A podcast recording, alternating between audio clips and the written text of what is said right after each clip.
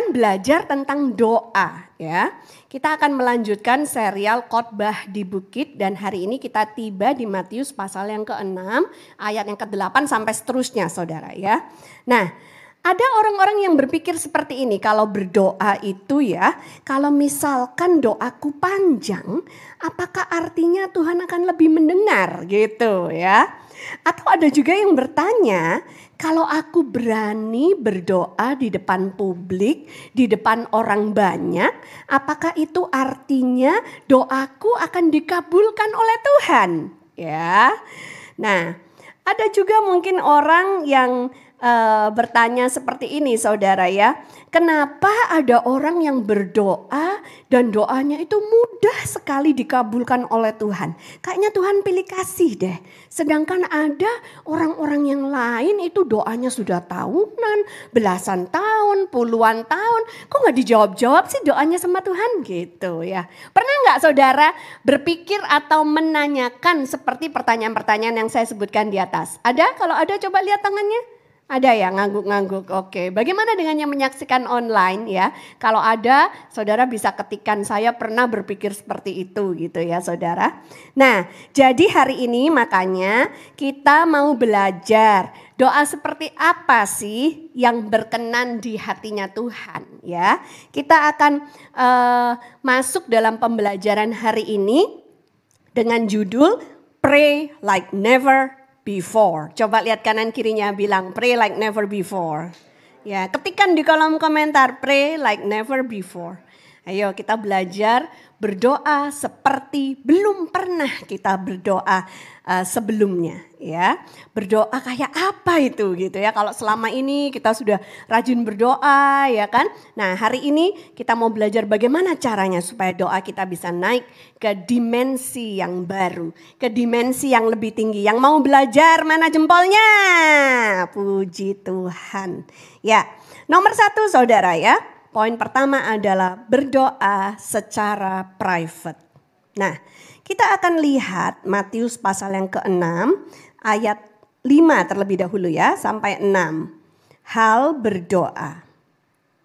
Dan apabila kamu berdoa, janganlah berdoa seperti orang munafik.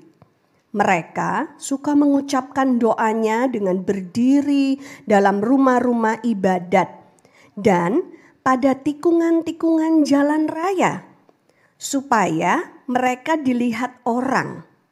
Aku berkata kepadamu, sesungguhnya mereka sudah mendapat upahnya. Tetapi jika engkau berdoa, masuklah ke dalam kamarmu, tutuplah pintu, dan berdoalah kepada Bapamu yang ada di tempat tersembunyi maka Bapamu yang melihat yang tersembunyi akan membalasnya kepadamu. Yang percaya katakan amin saudara ya. Nah saudara ini Yesus sedang address the issue ya uh, minggu lalu Pastor Daniel sudah menjelaskan kepada kita bahwa orang Yahudi itu punya um, kebiasaan ritual, kebiasaan agamawi. Ada tiga poin itu minggu lalu. Ayo ada yang masih ingat nggak? Apa saudara? Kebiasaan agamawi orang Yahudi. Mereka harus lakukan ini dalam hidup mereka. Apa itu? Yang pertama, memberi sedekah. Yang kedua, berdoa. Yang ketiga, berpuasa. Itu adalah the practices of the Jewish uh, culture, saudara ya, bagaimana mereka beribadah kepada Tuhan itu dengan cara seperti itu, saudara. Nah, tapi kebiasaan orang Yahudi, terutama orang Farisi, gitu, saudara ya, uh, orang-orang yang disebut munafik sama Tuhan, ya, mereka tuh sukanya kalau berdoa itu harus dilihat orang di jalan raya, di rumah ibadat, gitu, saudara ya. Nah Uh, tidak ada yang salah mestinya berdoa di jalan raya atau berdoa di rumah ibadah, tetapi Tuhan itu lebih mementingkan bagaimana dengan kehidupan doa pribadimu. Kalau kamu cuma berdoa di tempat umum, tapi di rumah kau tidak pernah berdoa, ada yang salah dengan cara doamu. Mengerti saudara ya? Karena itu artinya doa kita hanya ditujukan untuk mengesankan orang banyak. To leave an impression supaya orang melihat kita dan menganggap, wih saleh loh dia. Wih hidupnya kudus, hidupnya benar gitu kan ya. Oh kalau doa indah sekali ya kan. Powerful sekali. But it's just a show. Tuhan gak mau show saudara. Yang Tuhan mau itu adalah doa secara pribadi. Kita harus punya hubungan yang intim dengan Tuhan. Dikatakan masuklah ke kamarmu, tutuplah pintu dan berdoa di sana. Karena Tuhan ya Bapa kita melihat apa yang kita lakukan di tempat yang tersembunyi dan dia akan membalas kita ketika kita melakukan hal-hal yang baik di tempat yang tersembunyi. Ketika tidak ada satu manusia pun yang melihat apa yang kita lakukan di tempat yang tersembunyi, ya hanya Tuhan yang melihat. Hanya Tuhan yang mendengarkan doa kita. Ada amin saudara, itulah menandakan bagaimana hubungan kita itu intimnya dengan Tuhan. Jadi di sini kita belajar bahwa doa itu merupakan an intimate talk between kita anaknya dengan Bapa kita di sorga. Ada amin saudara ya. Seperti gambar ini di screen saudara bisa lihat bagaimana ada orang Farisi yang sukanya tuh berdiri di jalan raya terus berdoa kenceng-kenceng supaya dilihat sama orang. Wih saleh ya dia dipuji-puji orang. Tetapi ada juga yang berdoanya itu di tempat yang tersembunyi di kamar yang gelap sendirian. Gak ada orang yang tahu. Saudara Tuhan mendengarkan kedua-dua doa mereka. Tapi Tuhan melihat hatinya mana yang lebih yang lebih kusyuk yang lebih tertuju kepada Tuhan, bukan untuk dilihat manusia. Yang mengerti, ayo tepuk tangan di rumah, uh, kasih ketikan saya mengerti ya, uh, tulis uh, doa secara private, oke? Okay? Jadi saudara itu adalah poin yang pertama. Jadi saudara. Uh, jangan jangan salah sangka ya doa di publik tetap diperlukan ya karena itu adalah doa secara korporat Bagaimana kalau kita datang ke gereja, kita doa bersama-sama itu masih perlu. Karena orang-orang yang baru menjadi Kristen, yang baru bertobat, mungkin mereka belum mengerti caranya berdoa. Lalu mereka datang ke gereja, berdoa sama-sama, mereka jadi ngerti, oh kayak gitu caranya berdoa. Jadi nanti waktu mereka pulang, mereka bisa melatih diri mereka untuk berdoa seperti yang mereka pelajari di gereja gitu ya. Atau di komsel, atau di persekutuan doa gitu. Jadi doa korporat penting. Doa korporat tetap harus dijalankan, tapi lebih daripada itu di rumah harus punya jam doa masing-masing yang setuju katakan amin Saudara ya. Harus punya jam doa pribadi yang mana kita datang itu dengan kerendahan hati di hadapan Tuhan, bukan untuk pamer atau untuk uh, menyombongkan diri kita di di hadapan manusia yang lain ya. Kok bisa menyombongkan diri dalam hal berdoa? Iya, tuh namanya sombong rohani, saudara. Ya, menyombongkan diri kayak nih, gua bisa doa. Bagaimana dengan kamu? Kamu ngucapin satu kata aja nggak keluar, gitu. ya, saudara, nggak boleh seperti itu ya. Nggak boleh memandang rendah orang yang belum bisa berdoa di publik. Oke, saudara? Ya, jempol, jempol, jempol yang mengerti. Ya, puji Tuhan. Kita masuk ke poin yang kedua ya. Jadi kalau tadi berdoa secara private, secara pribadi, lepas pribadi. Sekarang yang kedua, yang kedua poinnya adalah berdoa dengan hati. Coba ditepuk hatinya saudara. Ada yang lupa bawa hatinya hari ini? Nah, ternyata saudara kalau kita berdoa itu hati kita harus langsung connect sama hatinya Tuhan loh saudara ya. Kita baca dulu ayatnya. Matius pasal yang ke-6, ayatnya yang ke-7 sampai 8. Lagi pula, dalam doamu itu, janganlah kamu bertele-tele seperti kebiasaan orang yang tidak mengenal Allah. Mereka menyangka bahwa karena banyaknya kata-kata doanya akan dikabulkan. Jadi, janganlah kamu seperti mereka, karena Bapamu mengetahui apa yang kamu perlukan sebelum kamu minta kepadanya. Nah, yang kedua ini mengajarkan kepada kita bahwa kalau kita berdoa, itu hatinya harus connect kepada Tuhan. Bukan tentang kata-katanya. ya atau bukan tentang kata-katanya saja. Ya. Nah, jadi again Yesus sedang address kebiasaan orang Yahudi kalau berdoa itu lama dan bertele-tele panjang ya kan keliling dunia ya kan supaya itu tadi kelihatan keren, ingin mengimpresi orang-orang di sekelilingnya, tapi bukan itu yang Tuhan mau.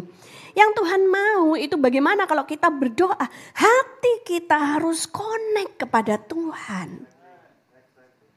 Saudara orang kalau pacaran ya, pernah pacaran enggak?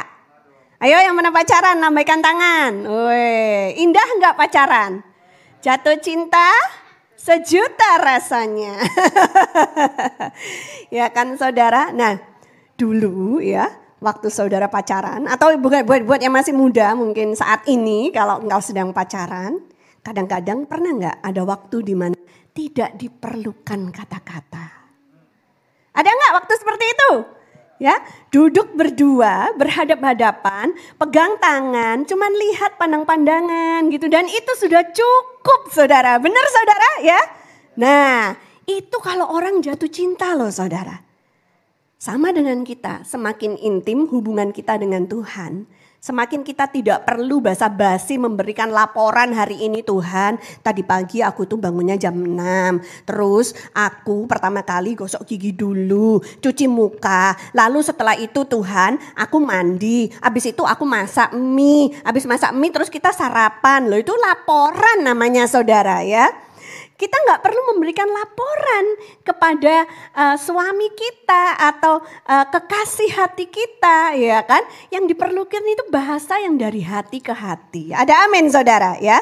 Jadi sama dengan doa kita juga gitu. Kita harus belajar bagaimana caranya supaya begitu kita berdoa, hati kita tuh langsung connect ke hatinya Tuhan, mengenai sasaran, tidak melebar-lebar tidak bertele-tele, tidak diulang-ulang, padat, tepat, berisi. Ada amin saudara ya. Yang ngerti coba manggut-manggut ya. Yang di rumah boleh bilang oh gitu gitu ya saudara ya. Nah karena apa saudara? Ternyata panjangnya kata-kata itu tidak menentukan apakah doa kita akan didengar atau dikabulkan oleh Tuhan atau enggak. Ya. Biasanya yang panjang kata-kata itu karena mau mengimpresi orang lain, ya, bahwa dirinya mampu berdoa, ya. Tapi Jangan salah sangka, kalau engkau adalah pendoa syafaat, please doa yang panjang gitu loh saudara ya. Karena doa syafaat itu inter intersection kan, uh, intersection lagi, intercession. Berdoa syafaat itu kan menjembatani antara orang yang belum percaya sama Tuhan dengan Tuhan ya. Itu itu kalau memohon ya ada permohonan berdoa untuk jiwa-jiwa nggak apa-apa saudara ya. Tapi ini untuk kehidupan sehari-hari kita ketika kita tidak sedang berdoa syafaat ya hendaknya langsung connect dari hati ke hati ya dan langsung tepat sasaran begitu saudara ya nah Tuhan itu melewati semua kata-kata kita dan melihat lurus langsung ke hati kita. Kalau ada yang masih gak benar, gerundelan di dalam hati kita, Tuhan tahu loh. Mulut kita mungkin ngomongnya manis, tapi dalam hati masih ada tuh gerundelan-gerundelan dan Tuhan melihat gerundelan-gerundelan itu. Jadi saudara, ada waktunya juga di mana kalau kita mau berdoa, terus nggak ada kata-kata yang keluar karena hati kita lagi sedih gitu kan ya. Yang keluar hanya air mata. Dan engkau mengira kalau tanpa tanpa kata-kata Tuhan tidak akan mendengarkan jeritan hatimu salah besar saudara.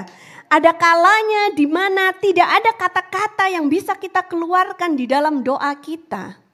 Hanya air mata dan Tuhan pun mengerti bahasa air mata kita. Yang percaya katakan amin sorak-sorai buat Tuhan Yesus saudara ya. Tuhan itu Tuhan yang luar biasa saudara ya. Dan air mata kita itu pun dihargai oleh Tuhan. Ada ayatnya di Alkitab, di pasal yang lain, di kitab yang lain yang berkata bahwa sengsaraku engkau yang menghitung air mataku ditampung di dalam kirbatmu. Kalau engkau nangis, karena sedih. Jangan curhat ke sembarangan orang. Jangan cari teman baikmu. Nangis kepada Tuhan. Karena air matamu ditampung di dalam kibatnya Tuhan. Sampai penuh dan itu menjadi hiasan buat Tuhan. Ada amin saudara ya. Tuhan menghargai setiap tetesan air mata kita. Tidak ada yang terbuang dengan percuma. Saudara mungkin hari ini tinggal sendirian karena pandemik ya kan mungkin anak rantauan, nggak ada kesempatan untuk pulang ke rumah, kumpul sama keluarga. Kau harus berjuang sendirian di kota metropolitan ini, kota yang kejam ini, ya kan? Kalau sampai kosan malam hari sudah capek, tetap harus mandi keramas karena protokol kesehatan. Jam 12 malam pun nyampe rumah tetap harus mandi keramas gitu kan saudara. Itu kalau kami dan keluarga kami ya disiplin. Nah, mungkin malam hari engkau merindukan rumah, malam hari engkau merindukan keluargamu, orang tuamu, saudara-saudaramu. Engkau menangis di atas bantal, nangis bersama dengan Tuhan, saudara. Dan itu Tuhan menghargainya. Amin, saudara. Atau ada ibu-ibu yang sudah ditinggalkan oleh suaminya. Anak-anak sudah besar-besar, sudah menikah, punya kegiatan mereka masing-masing. Ada ibu-ibu yang tinggal sendirian di rumahnya. Kalau malam tiba dan kau merasa sendirian. Oh berdoa, nangis di hadapan Tuhan karena itu berharga di mata Tuhan. Yang percaya katakan amin saudara ya. Tuhan mendengar jeritan hatimu. Engkau tidak sendirian, engkau tidak pernah ditinggalkan oleh Tuhan. Ada Roh Kudus yang selalu menyertaimu bagaimanapun keadaan hidupmu. Lagi up, lagi down bersama keluarga sendirian. Roh Kudus ada bersamamu. Yang percaya katakan amin sorak-sorai buat Tuhan Yesus. Haleluya. Dan setelah nangis biasanya kita akan merasa lega. Itu bisa dijelaskan secara psikologi ya, bahwa ketika kita nangis itu ada hormon toksin yang akan dilepaskan Saudara ya. Dan setelah itu kita akan merasa lega dan setelah itu kita akan merasa seperti mempunyai kekuatan yang baru untuk melanjutkan hidup ini ya. Jadi Saudara, itu yang kita pelajari di poin yang kedua Saudara ya. Jadi ada yang tidak bisa merangkai kata-kata yang indah. Tapi kalau hatimu connect ke hatinya Tuhan saat kamu berdoa itu udah lebih indah daripada serangkaian kata-kata indah mana pun juga. Yang percaya katakan amin saudara ya. Bapak tahu apa yang kita perlukan sebelum kita minta kepadanya. Tapi bukan berarti terus kita nggak usah minta sama Tuhan, nggak apa-apa. Namanya juga anak saudara ya, it's okay. Mention it to God, nggak apa-apa. Ngomong sama Tuhan, minta sama Tuhan ya. Kalau kita sebagai anak punya hubungan yang baik sama ayah kita, maka kita akan percaya kepada ayah kita kita akan percaya, kita nggak akan minta berulang-ulang, nggak akan menagih janjinya gitu ya saudara ya. Anak yang punya hubungan baik dengan papanya, kalau papanya sudah janji mau berikan, dia percaya bahwa papanya akan berikan tepat pada waktunya. Yang percaya katakan amin saudara. Jadi kalau belum diberikan itu artinya belum tepat pada waktunya. Yang percaya ayo sorak-soraknya buat Tuhan Yesus. Yang masih menunggu jawaban doa. Yang engkau percaya bahwa waktu waktunya akan tepat untuk doamu itu dikabulkan oleh Tuhan ya. Puji Tuhan saudara ya. Nah kita akan lihat poin yang ketiga. Poin yang ketiga adalah berdoa untuk memuliakan Bapa di sorga. Jadi kalau kita berdoa itu tujuannya bukan untuk diri sendiri. Ya, saudara kita akan lihat uh, Bagian selanjutnya dalam perikop ini, ini tentang doa Bapa kami. Bagaimana Yesus memberikan contoh cara berdoa kepada murid-muridnya pada waktu itu. Nah, doa Bapa kami ini bisa kita bagi tiga bagian. Yang pertama adalah opening, yang kedua isi, yang ketiga adalah closing. Ya, sekarang kita akan belajar bagian yang pertama dulu, opening. Oke, okay?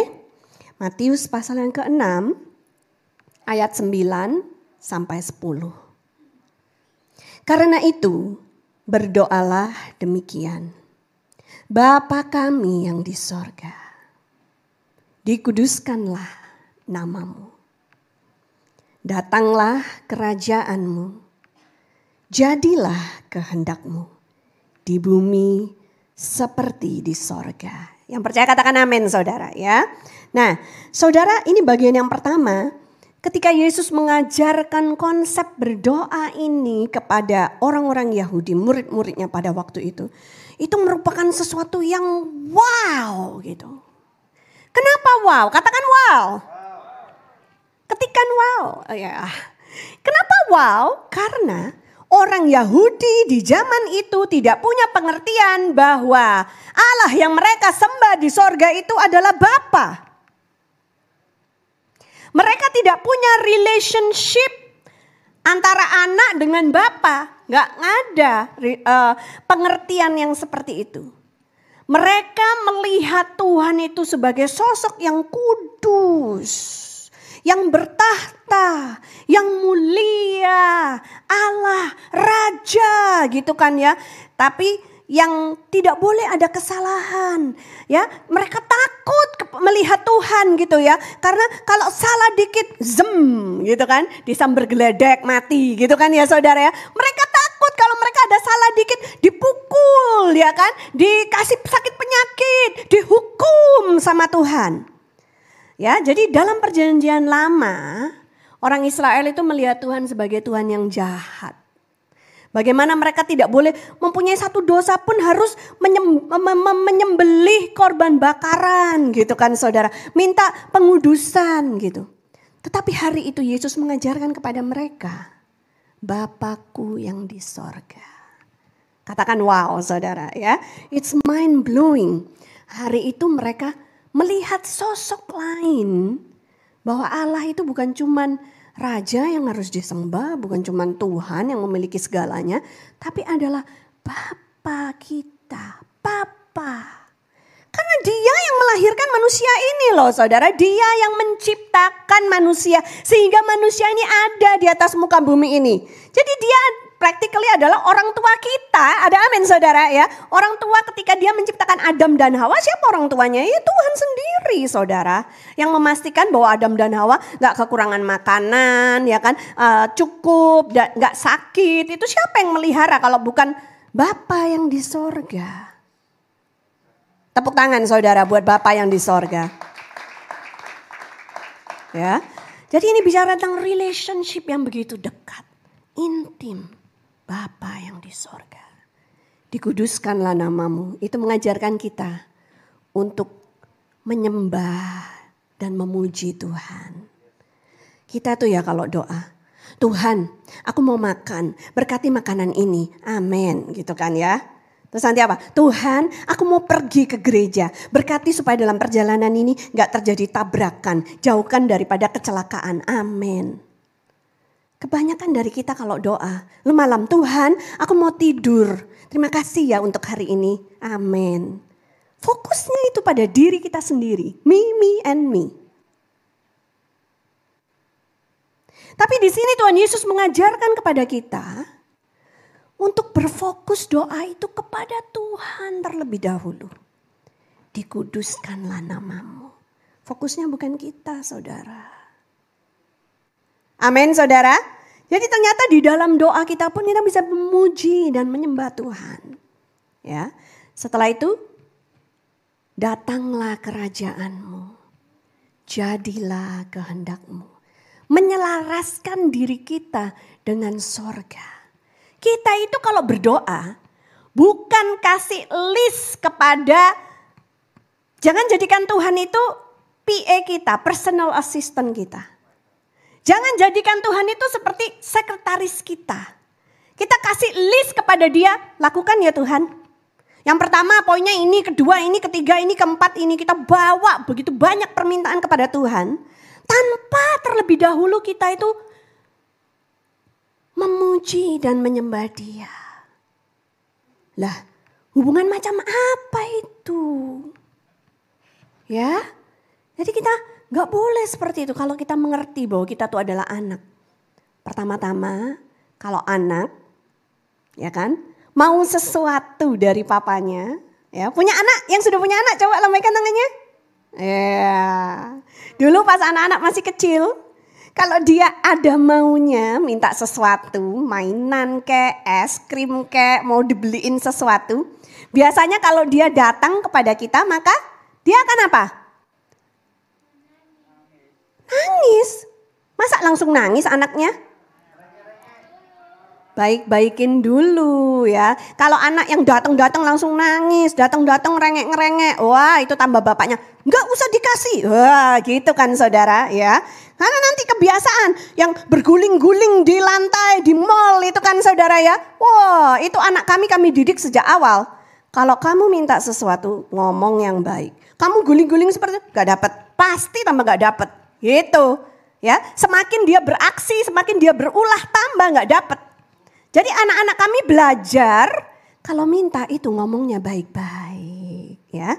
Dibaikin dong papanya dipeluk dulu, dicium. Ih papa ganteng ya. Langsung Pak Daniel gini, mm apa mau nak? gitu kan saudara ya. Kok tumben puji-puji papa hari ini gitu kan saudara ya. Nah jadi kalau hubungan kita anak dengan papa, kita tentu kita harus baik-baik dulu loh sama papa kita, ya kan saudara.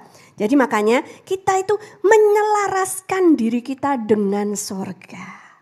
Dengan kehendak Tuhan. Dengan agendanya sorga. Bukan dibalik, Tuhan yang harus menyelaraskan diri dengan apa maunya kita. Woi, tahu diri woi. Eh, lihat kanan kirinya bilang tahu diri. Ketikkan di kolom komentar tahu diri ya. Eh, kita yang harus selaraskan diri kita sama sorga, jangan dibalik-balik ya. Kita ciptaan, dia pencipta ya. Dia bapak, kita anak, jangan dibalik-balik saudara ya. Nah, dalam doamu juga ini mengajarkan pada kita kan. Dalam doamu juga itu jangan cuma ingat dirimu sendiri dari awal sampai akhir. Dirimu, suamimu, istrimu, orang tuamu, anak-anakmu, cucu-cucumu, mertuamu, bisnismu, usahamu, pekerjaanmu, pelayananmu, rumahmu, mobilmu, sepeda motormu, tanamanmu, hewan peliharaanmu, kucingmu, anjingmu, monyetmu, ya kan? Saudara, it's not about you. Bilang it's not about you. It's not about me, ya. Yeah. It's about God, ya. Jadi kalau berdoa ingat dulu sama Tuhan. Puji dan sembah Dia, gitu Saudara ya. Puji Tuhan Saudara ya. Lalu bagian yang kedua kita lanjut belajar ya. Masih semangat belajar? Mana suaranya? Eh, yang uh, yang menyaksikan online coba kasih emoticon begini-begini. Semangat gitu ya. Nah, Saudara bagian yang kedua nih ya dari doa Bapak kami. Isinya Matius pasal yang ke-6 ayat 11 sampai 13. Berikanlah kami pada hari ini makanan kami yang secukupnya. Dan ampunilah kami akan kesalahan kami. Seperti kami juga mengampuni orang yang bersalah kepada kami. Dan janganlah membawa kami ke dalam pencobaan. Tetapi lepaskanlah kami daripada yang jahat. Ini isinya saudara ya. Nah kemudian setelah kita memuji dan menyembah Tuhan fokus pada Tuhan boleh berdoa untuk dirimu sendiri. Siapa bilang gak boleh? Boleh. Tapi ingat orang lain juga. Ya, di sini kita diajarkan Berikanlah kami pada hari ini makanan kami yang secukupnya. Itu artinya secukupnya, berarti tidak serakah. Kita minta apa yang menjadi bagian kita hari ini, begitu saudara ya. Jadi bagus sekali doa Bapak kami ini ya.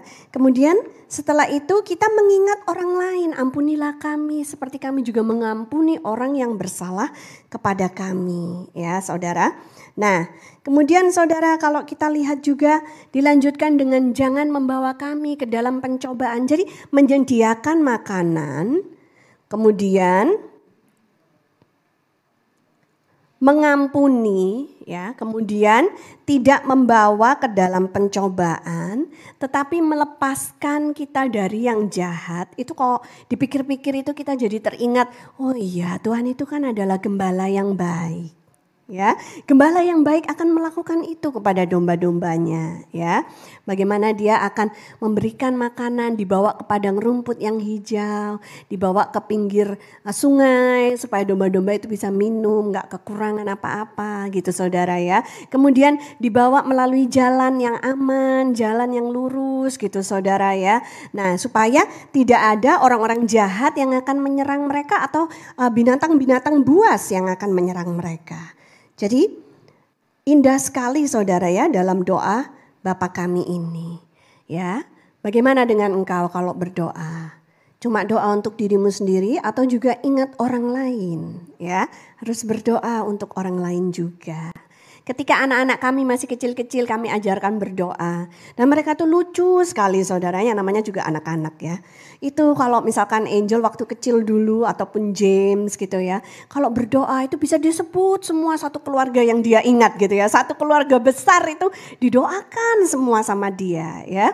Nah makanya kenapa ada ayat lain yang bilang belajarlah seperti anak kecil.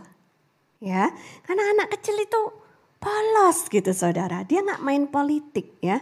Siapa teman-temannya yang dia ingat, guru sekolahnya, semua dia doakan gitu. Kalau kita, kita cuma mau doakan orang yang baik sama kita. Kalau orang yang jahat, enak aja minta doa. gitu saudara, gak boleh loh ya. Kak, gak boleh ya. Berapa minggu yang lalu kan kita udah belajar love your enemies. Doakan bahkan musuh-musuh kita. Ada amin saudara ya. Itu nanti kalau mau belajar tentang mendoakan musuh-musuh kita boleh uh, cek uh, khotbah beberapa saat yang lalu love your enemies saudara ya. Nah jadi harus ingat orang lain juga. Doakan orang lain di dalam doamu. Kemudian kita masuk di bagian yang ketiga dari doa Bapa kami. Matius 6 ayat 9 sampai 13. Ini bagian closingnya. Karena engkaulah yang empunya kerajaan dan kuasa dan kemuliaan sampai selama-lamanya. Amin. Puji Tuhan. Sekali lagi ditutupnya itu dengan menyelaraskan diri kita dengan sorga. Bisa lihat nggak? Jadi doa yang untuk diri sendiri, doa yang untuk orang lain itu di tengah. Tapi dimulainya dengan fokus kepada Tuhan, diakhirinya dengan fokus kepada Tuhan. Ada amin saudara. Itu adalah doa yang powerful. Ya. Nah, seperti itu saudara. Nanti di perikop yang lain Yesus juga memberikan contoh model bagaimana dia waktu berdoa di Getsemani, di Taman Getsemani, sebelum dia ditangkap lalu disalibkan di atas kayu salib, dia berdoa, "Bukan kehendakku, tetapi kehendakmu yang jadi." Itu closingnya. Ya, again menyelaraskan diri dengan sorga. Doa itu bukan supaya Tuhan setuju sama kita. Tapi doa itu kita belajar untuk setuju sama Tuhan. Yang percaya katakan amin saudara. Ya. Nah kita lihat lanjutannya saudara ya. Bagian penutup ini kalau saudara perhatikan baik-baik di Alkitab itu dalam tanda kurung. Kenapa dikasih tanda kurung? Karena di early manuscript ya uh, gulungan kitab asli awal yang paling awal dari bahasa uh, Grikanya ya yang ditulis oleh uh, Matius itu tidak ada bagian ini saudara ya. Tapi bagian ini ditambahkan kemudian karena dianggap penting untuk dimasukkan. Ya, jadi itu akan menjelaskan kenapa dalam tanda kurung di early manuscript gak ada bagian ini, tapi kemudian uh, redaktur-redaktur setelahnya merasa ini perlu untuk dimasukkan gitu saudara ya. Nah jadi saudara kita lihat dalam hal berdoa penting sekali kita tidak memaksakan kehendak kita kepada Tuhan ya. Tapi kita yang harus menyelaraskan diri kita dengan kehendak Tuhan. Sekali-sekali saudara bolehlah kasih Tuhan surprise ya. Bagaimana kalau Tuhan bilang uh, kalau saudara berdoa hari ini dan bilang Tuhan hari ini aku nggak minta apa-apa. Aku cuma mau bilang terima kasih Tuhan untuk kebaikan Tuhan dalam hidupku. Terima kasih Tuhan pandemik satu tahun tujuh bulan dan aku nggak sakit. Bagaimana kalau sekali-sekali kita kasih surprise kepada Tuhan? Tuhan, hari ini aku nggak minta apa-apa, cuman mau bilang thank you and I love you. Kalau anakku ya bisa berlaku seperti itu kepada aku, wih hatiku berbunga-bunga. Aduh, kayak Tuhan aku ini sudah melakukan kebaikan apa sampai aku layak mendapatkan anak yang baik seperti ini gitu saudara ya. Bayangkan kalau kita melakukan itu sama Tuhan hati Tuhan berbunga-bunga saudara. Jadi jangan ngiri kalau ada orang yang, ih dia doa langsung dijawab sama Tuhan deh. Selalu gitu ya kan, anak kesayangannya Tuhan itu gitu. Kok aku kenapa lama banget gak dijawab-jawab? Nah mungkin sikap hatimu salah selama ini kalau berdoa. Ya kan? Jadi saudara kita belajar hari ini ya. Bagaimana kadang-kadang kita gak usah minta apa-apa sama Tuhan. Ya, cuma ingin bilang I love you Lord. Ayo latihan bilang I love you Lord. Terima kasih Tuhan. Ya, puji Tuhan saudara ya. Nah, sekarang kita masuk ke bagian yang keempat ya. Bagian yang keempat ini dimampukan untuk mengampuni. Nah, penting sekali untuk mengampuni orang yang bersalah kepada kita. Sehingga Yesus harus memberikan pengulangan. Dan ini kita akan baca di Matius 6 ayat 14 sampai 15. Karena jikalau kamu mengampuni kesalahan orang, Bapamu yang di sorga akan mengampuni kamu juga. Tetapi jikalau kamu tidak mengampuni orang, Bapamu juga tidak akan mengampuni kesalahanmu. Ya. Nah, Saudara, ketika Yesus ngomong gini, dia itu sedang mau menunjukkan kepada murid-muridnya, kepada orang banyak, mengampuni itu sangat penting. Dan hal itu membuat mereka sadar, aduh, kayaknya aku nggak bisa deh melakukan ini. Karena manusia itu punya batas. Ya, kita disakiti begitu parah ke satu titik di mana aku udah nggak bisa lagi kalau gini caranya. Ya, Nah, di situlah kita akan merasa sadar bahwa diri kita ini perlu Tuhan. Kalau pengampunan itu gampang dilepaskan, kita nggak perlu Tuhan, saudara. Tapi nyatanya pada hari itu orang-orang Israel yang mendengarkan khotbah Yesus di atas bukit ini menjadi sadar. Karena mereka melihat sebuah patron bagaimana dirinya, papa mamanya, kakek neneknya turun temurun kebanyakan kalau udah marah kemudian berselisih paham sama orang yang menginjak-injak harga diri kita. Tidak bisa memaafkan. Kita hidup dalam kepahitan apalagi kalau dibohongin orang, dikianati, ditusuk dari belakang sama orang kepercayaan kita. Oh, itu sakit banget, susah untuk ngampuni orang yang seperti itu. Kebanyakan akan dibawa mati ke dalam kubur. Marahnya, tidak terimanya. Ya, tidak bisa mengampuninya. Akan dibawa mati ke kubur dendamnya. Kalau bisa malah mau balas dendam. Itu sifat manusia, natur manusia yang sudah jatuh dalam dosa. Mereka tidak bisa memberikan pengampunan. Mereka tidak bisa berbelas kasihan kepada orang lain yang bersalah kepada mereka. Di sini Yesus sudah menunjukkan kepada kita bahwa manusia itu perlu Tuhan. Ada amin saudara. Saya akan tunjukkan paralelnya. Di mana di kitab Lukas pasal yang ke-6 ayat 37 itu juga dicatat begini saudara. Janganlah kamu menghakimi, maka kamu pun tidak akan dihakimi. Dan janganlah kamu menghukum, maka kamu pun tidak akan dihukum. Ampunilah dan kamu akan diampuni. Again, paralel saudara ya, sama persis. Ampuni, maka kamu akan diampuni. Kalau kau tidak ngampuni, kau juga nggak akan diampuni oleh Bapamu di surga. Wow, mereka merasa nggak bisa sebagai manusia. Yesus menunjukkan kepada kita batasan kita sebagai manusia. kita tidak bisa melakukannya. Tetapi kabar baiknya, the good news is ketika Yesus sudah mati di atas kayu salib, apa yang terjadi saudara? Kita menerima pengampunan. Yang percaya katakan amin. Pengampunan atas dosa-dosa kita, kesalahan yang selama ini kita perbuat yang diperbuat oleh nenek moyang kita dan nenek moyang kita, saudara ya. Dan saudara semua kutuk-kutuknya sudah dipatahkan, kita ditebus. Kita menerima pengampunan terlebih dahulu. So we start not from the minus, we start from. We start at the winning side. Yang percaya katakan amin. Sorak-sorai buat Tuhan Yesus saudara. Waktu doa Bapak kami ini diajarkan, Yesus belum mati di atas kayu salib. Sehingga manusia belum menerima pengampunan dosa. Dan itu susah banget. Kalau kita sendiri aja belum terima pengampunan, gimana mau memberikan pengampunan? Tetapi hal itu nanti akan direvisi saudara, ya di upgrade, kita bisa lihat nanti ayat-ayatnya. Bagaimana setelah Yesus mati di atas kayu salib dan dia bilang it is finished. We have been forgiven.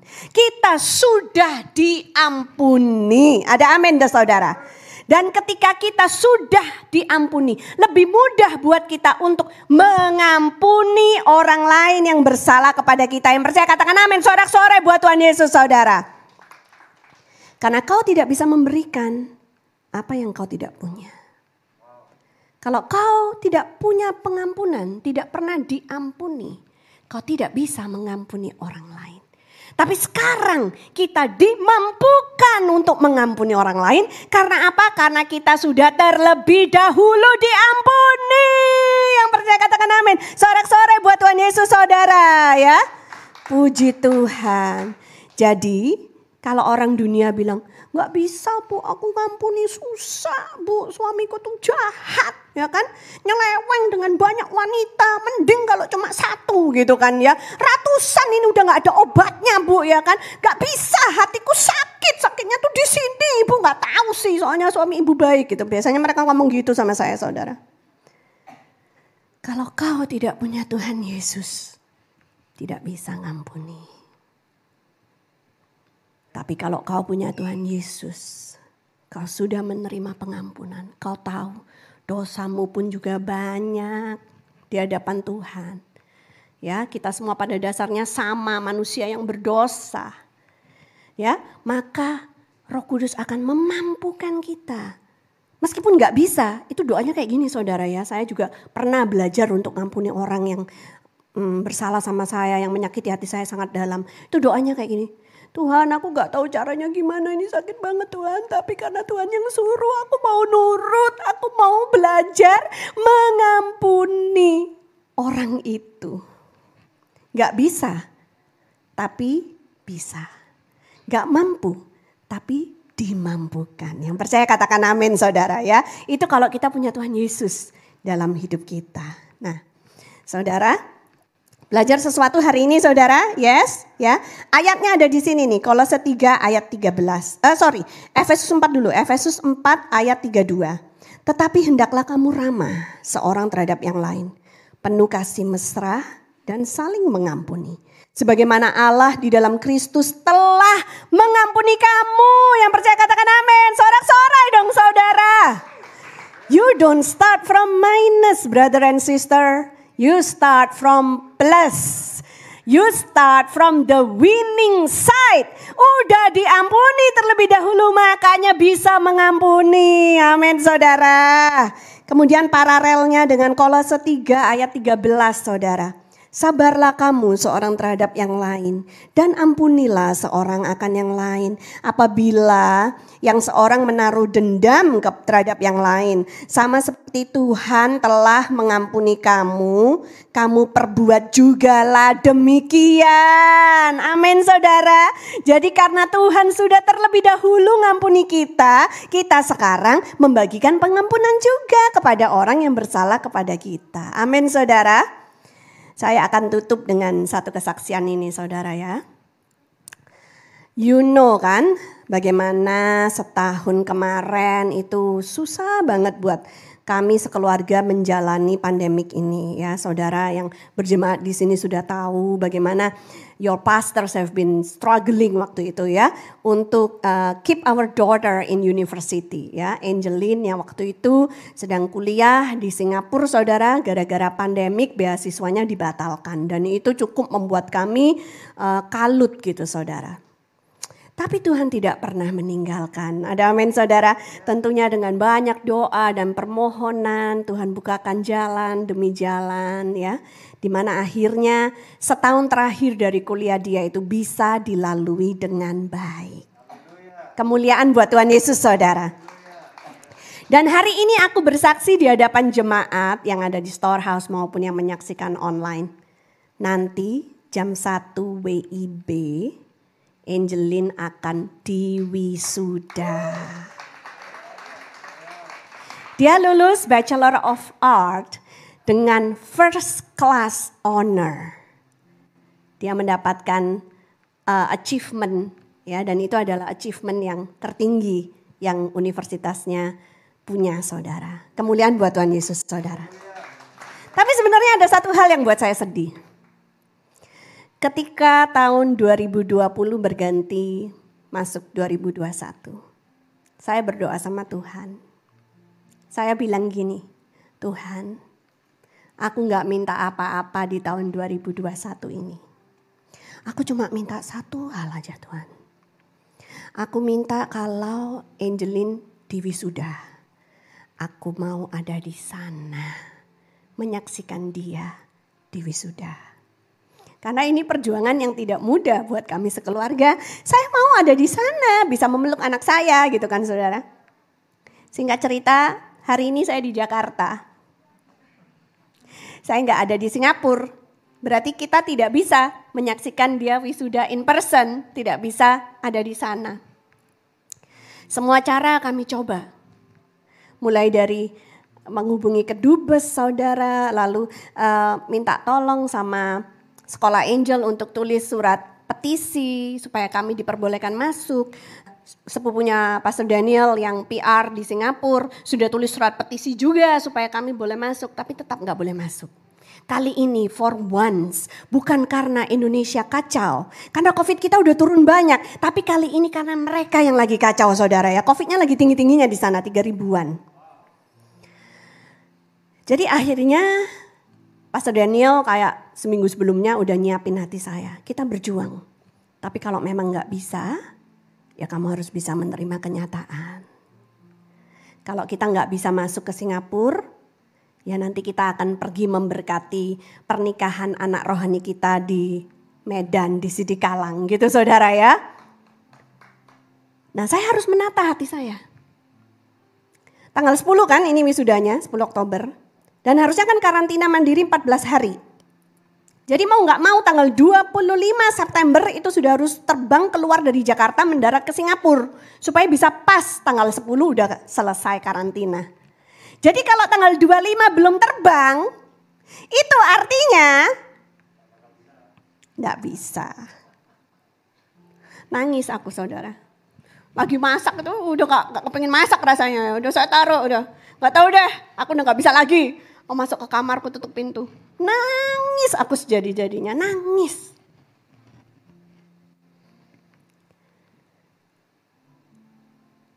Saya merasa aku cuma punya satu permintaan untuk tahun ini Tuhan. Dan Tuhan gak kasih. Padahal aku ini anak kesayangannya Tuhan loh. Ya saya merasa saya ini anak kesayangan. Saya sering doa dan dikabulkan selalu ya. Tuhan baik. Kok satu ini aja gak bisa sih Tuhan gitu ya. Setelah nangis, bertisu-tisu kemudian sampai sembab, sampai udah ingus keluar semua. Akhirnya saya harus berdamai. Kalau iblis kira gara-gara permohonanku untuk pergi ke Singapura dan ada di wisuda angel tidak dikabulkan oleh Tuhan. Kalau iblis kira itu akan membuat aku kemudian mundur, nggak cinta sama Tuhan lagi, nggak mau ikut Tuhan lagi. Weh, salah besar. Ada amin saudara. Karena aku belajar menyelaraskan diriku dengan sorga. Kalau belum bisa pergi ke Singapura hari ini, berarti belum tepat waktunya. Mungkin kalau kita pergi ngotot terus ketularan COVID di sana. Bisa kan saudara? Mungkin ada hal-hal buruk yang akan terjadi yang sebenarnya Tuhan sudah proteksi kami untuk tidak terjadi. Jadi kami belajar, saya terutama ya. Suami saya sih kul-kul aja saudara. Saya belajar untuk menerima kenyataan ini. Tapi nanti jam satu siang kita akan sama-sama uh, nonton bareng di sini ya, pakai pakai apa namanya uh, link yang dikasih oleh Angel nanti kita lihat bagaimana dia di wisuda. Dan kalaupun tidak ada orang tuanya di sana, dan ini yang saya tulis di sosial media saya waktu kita mengirim Angelin ke Singapura, bahwa kalaupun orang tuanya tidak ada di sana untuk dia, Angel itu pertama-tama adalah anaknya Bapa di sorga. Jadi kalaupun orang tua duniawinya Pastor Daniel Hendrata dan Pastor Dewi Katarina hari ini tidak bisa menyertai dia wisuda. Ada Bapa di sorga yang tidak pernah meninggalkan dia. Bapa di sorga ada di sana bersama-sama dengan dia ketika namanya dipanggil. Ketika dia jalan ke depan, ketika dia naik ke atas panggung. Dan katanya nanti itu bukan dekannya yang giniin saudara ya. Dia sendiri yang harus giniin karena gak boleh eh, megang-megang gitu saudara ya. Gak apa-apa, ada Bapa di sorga yang menyertai dia. Ada Tuhan Yesus, ada Roh Kudus yang percaya katakan amin saudara. Kita tidak ditinggalkan sendirian dan aku tahu nanti kalau aku nonton itu pasti aku nangis tapi aku pun tidak ditinggalkan sendirian. Ada Bapa di sorga, ada Tuhan Yesus, ada Roh Kudus yang menyertai aku yang percaya katakan amin saudara ya. Saya tidak mau bersedih-sedih. Justru saya mau merasa happy buat Angelin. Bangga setelah semua perjuangan ini hari ini kita bisa bersaksi. Tuhan baik. Katakan Tuhan baik. Puji Tuhan saudara. Haleluya. Haleluya. Bagaimana beasiswa yang dibatalkan anaknya bisa lulus saudara ya. Bagaimana beasiswa yang dibatalkan anaknya lulus with first class honor. I'm going to give thanks to the Lord. Buat apa yang sudah dia lakukan dalam kehidupan kami. Mari saya undang saudara bangkit berdiri. Mungkin hari ini engkau masih punya pergumulan juga yang belum dijawab oleh Tuhan. Doa yang belum terjawab, mujizat yang sudah kau nantikan bertahun-tahun dan belum terjadi. Hari ini kita tetap percaya bahwa Tuhan berdaulat. Kalau Tuhan mau, Tuhan bisa jawab doa kita. Kalau Tuhan mau, Tuhan bisa memberikan mujizat itu kepada kita. Tapi hari ini saya mau mengajak jemaat sekalian to step up one faith higher. Dan bagaimana kita berkata kepada Tuhan, kehendakmu yang jadi, bukan kehendakku. Kalaupun belum waktunya, aku akan terus menunggu. Aku akan terus setia karena Tuhan sudah terlampau baik dalam hidupku. Amin saudara. Bagaimana kita bisa bilang sama Tuhan, I will still love you. I will still follow you no matter what. Karena Yesus waktu dia berjalan ke Bukit Golgota, memikul salib yang berat itu, dia harus mengalami penderitaan yang begitu berat. Dan Yesus tidak menyerah. He didn't give up on us. Ketika kita masih berdosa, Yesus sudah mati buat menebus dosa kita. Mari angkat tangan saudara. Ini aku Tuhan. Aku mau serahkan hidupku sepenuhnya ke dalam tanganmu. Terjadilah kehendakmu di dalam hidupku. Kehendakmu yang sempurna itu Tuhan. Di bumi seperti di sorga. Orang dunia gak akan ngerti Tuhan. Tapi aku ngerti Tuhan. You are a good, good father. Engkaulah Bapa yang sangat baik, amat baik, teramat baik dalam hidupku. Yang tidak pernah meninggalkanku barang sedetik pun. Dan aku adalah anakmu. Aku gak mau apa-apa yang lain kalau itu bukan kehendak Tuhan. Aku cuman mau kehendak Tuhan yang terjadi di dalam hidupku. Terima kasih Tuhan Yesus.